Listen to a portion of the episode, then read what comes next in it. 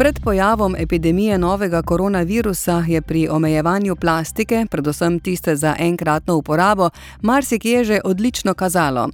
Vendar po dveh letih pandemije je nekaj postalo jasno. Eden največjih zmagovalcev trenutnih razmer je plastika, ki se je skozi velika vrata vrnila v naše navade in vsakodnevne opravke. Kljub temu, da se zavedamo tudi prisotnosti mikroplastike v naših vodah, rastlinah in živalih, pa tudi vemo, kako škodljiva je mikroplastika za naše zdravje, še vedno ni tako lahko obrniti hrbet temu pravzaprav neverjetnemu izumu, ki nam je spremenil življenje, tako na bolje kot na slabše. Bruselj je morda prepovedal uporabo določene plastike za enkratno uporabo in uvedel strožje standarde recikliranja, vendar je pandemija razkrila še veliko oviro na poti v svet brez plastike, predvsem na področju higiene. Visoka vsebnost plastike v osebni zaščitni opremi pomeni, da so bolnišnice podvojile uporabo tega biološko nerazgradljivega materijala. Najbrž ni nikogar med nami, ki ne bi na svoji poti opazil odvrženo zaščitno masko. Te ležijo ob smetnjakih, na ulicah, gozdnih poteh in zelenicah. Medicinska oprema je res nujno potrebna, vendar pa njena uporaba negativno vpliva na okolje. Katja Sreš iz nevladne organizacije Ekologi brez meja. Maske so tako kot vsi ostali plastični odpadki. V naravi se razkrajajo, ampak nikoli se ne bodo razgradili čisto do konca, ampak razpadajo na male plastične delce, ki jim pravimo mikroplastika, ti pa krožijo po našem ekosistemu in pridejo tudi do naših krožnikov. In le ena zaščitna maska za enkratno uporabo lahko v enem dnevu v vodnem okolju izloči kar 173 tisoč teh mikroplastičnih koščkov. Tako da to so ogromne količine plastike, ki jih zdaj mhm. dodajamo v naša okolja in seveda škodujejo tudi živalskim ekosistemom. Pomembno je, da se zavedamo, da je skrb za okolje v bistvu skrb za naše zdravje. Svetovna zdravstvena organizacija je te dni ugotovila, da je zaradi COVID-19 po svetu nastalo več deset tisoč ton dodatnih medicinskih odpadkov.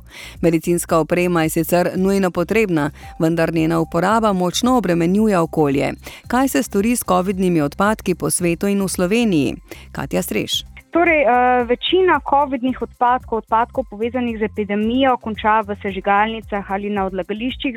Žal pa kar nekaj od njih pristane tudi v naravi. Vedno več lahko opazimo teh odvrženih zaščitnih mask za enkratno uporabo. Žal točnih nekih številskih podatkov za Slovenijo nimamo. Vemo pa, da je v oceane v preteklem letu zašlo kar 26 tisoč ton odpadkov povezanih z epidemijo vozijo, to je približno toliko kot 2000 dvonadstropnih avtobusov. Večina teh odpadkov konča na obalah, nekaj pa jih tudi potone na dno morja. Večina zaščitnih mask, ki so pravilno odvržene, konča v sežigalnicah, pravi Katja Sreš, saj zaenkrat še nobena od inicijativ za reciklažo ni tako dobro vzpostavljena, da bi lahko rešili problem z zaščitnimi maskami.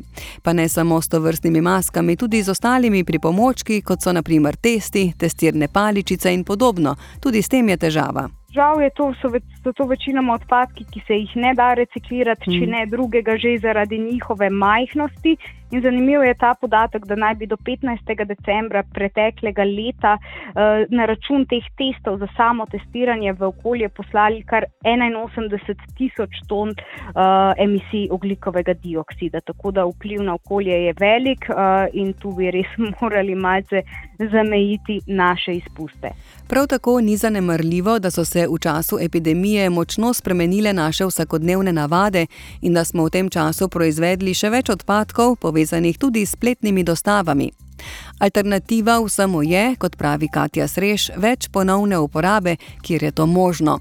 Med epidemijo pa nismo proizvedli samo več odpadkov povezanih s spletnimi naročili, pač pa je nastalo tudi več bolnišničnih odpadkov, predvsem zaradi več kontaminirane zaščitne opreme. Ta je veliko krat namenjena enkratni uporabi in se ne reciklira.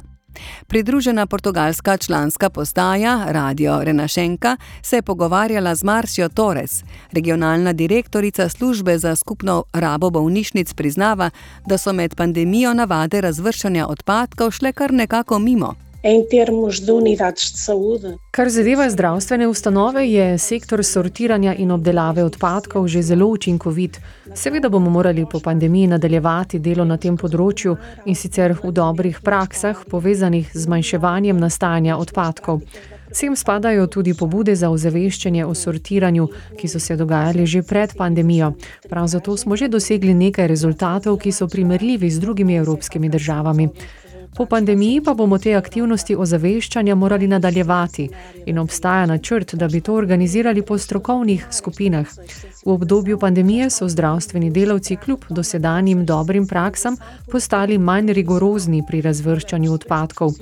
V prihodnje pričakujemo nemoteno nadaljevanje pobud za ozaveščanje, da bi lahko dosegli končni cilj - zmanjšano proizvodnjo in učinkovitejše sortiranje odpadkov.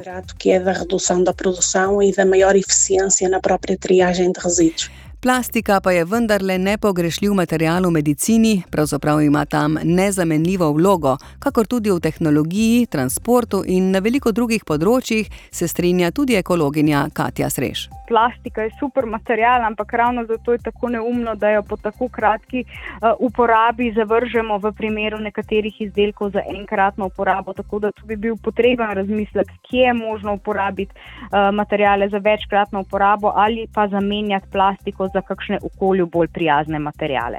Okolju bolj prijazni materijali pa so seveda tisti, ki se lahko v naravi razgradijo ali jih recikliramo. Kaj je torej alternativa plastiki? To vprašanje si postavlja tudi mladi italijan Mateo, ki se hkrati sprašuje, kakšen problem predstavlja množica testnih brisov. Za Milanski Radio 24 je povedal: Mi sono chiesto spesso, che tipo di impatto ambientale Veliko krat sem se spraševal, kakšen vpliv imajo vsi ti brisi na okolje. Ne samo brisi, ampak vsi odpadki, ki jih povzroča COVID-19, kot so rokavice, maske in tako naprej. Po mojem mnenju se glavni problem nanaša na ločevanje odpadkov, saj je veliko teh izdelkov narejenih iz več različnih materijalov, vključno s plastičnimi in biološko nerazgradljivimi materijali, zato jih lahko zavržemo med skupne odpadke. To še posebej velja za teste, ki jih izvajamo doma, saj običajno odpadko ne ločujemo tako strogo, kot to počnejo bolnišnice in lekarne. Ker gre za biološko nerazgradljiv odpadek, ga je vsekakor težje odstraniti in ima veliko večji vpliv na okolje v primerjavi z biološko razgradljivimi odpadki. Uh, rispetto ad altri rifiuti biodegradabili. Naši estonski kolegi z radia Kuku so se pogovarjali z Mert Erikom Martensom, soustanoviteljem Gelatexa, podjetja, ki proizvaja nanovlaknene materijale, namenjene zamenjavi plastike. Martens se strinja, da osebna zaščitna oprema za večkratno uporabo še vedno ni izvedljiva v bolnišničnem okolju, vendar je optimističen, da je mogoče materijale za enkratno uporabo narediti bolj trajnostno. Če pogledamo maske za enkratno uporabo, je popoln absurd, da jih moramo zamenjati vsake tri ure. Uporabljamo nekaj iz plastike in po treh urah to zavržemo. Glede tega nimamo izbire, ker trenutno ni boljših alternativ, a če govorimo o trajnosti, potem obstaja priložnost, da se premaknemo k bolj trajnostnim maskam za enkratno uporabo just selliste jätkusuutlikumate, näiteks ühekordsete maskide suunas, jah. Torej, pandemija nas je očitno potisnila za nekaj korakov nazaj v naših prizadevanjih, da zmanjšamo odvisnost od plastike, saj smo s težkim bojem že bili soočeni. Toda zdaj, ko je Evropa išla iz začetne panike, se morda zasvetijo kančki upanja. Vse več podjetij se zateka k bolj trajnostnim rešitvam, medtem ko kampanje ozaveščanja že potiskajo svet zdravstvenega varstva k bolj trajnostnim rešitvam glede higijenskih medicinskih odpadkov.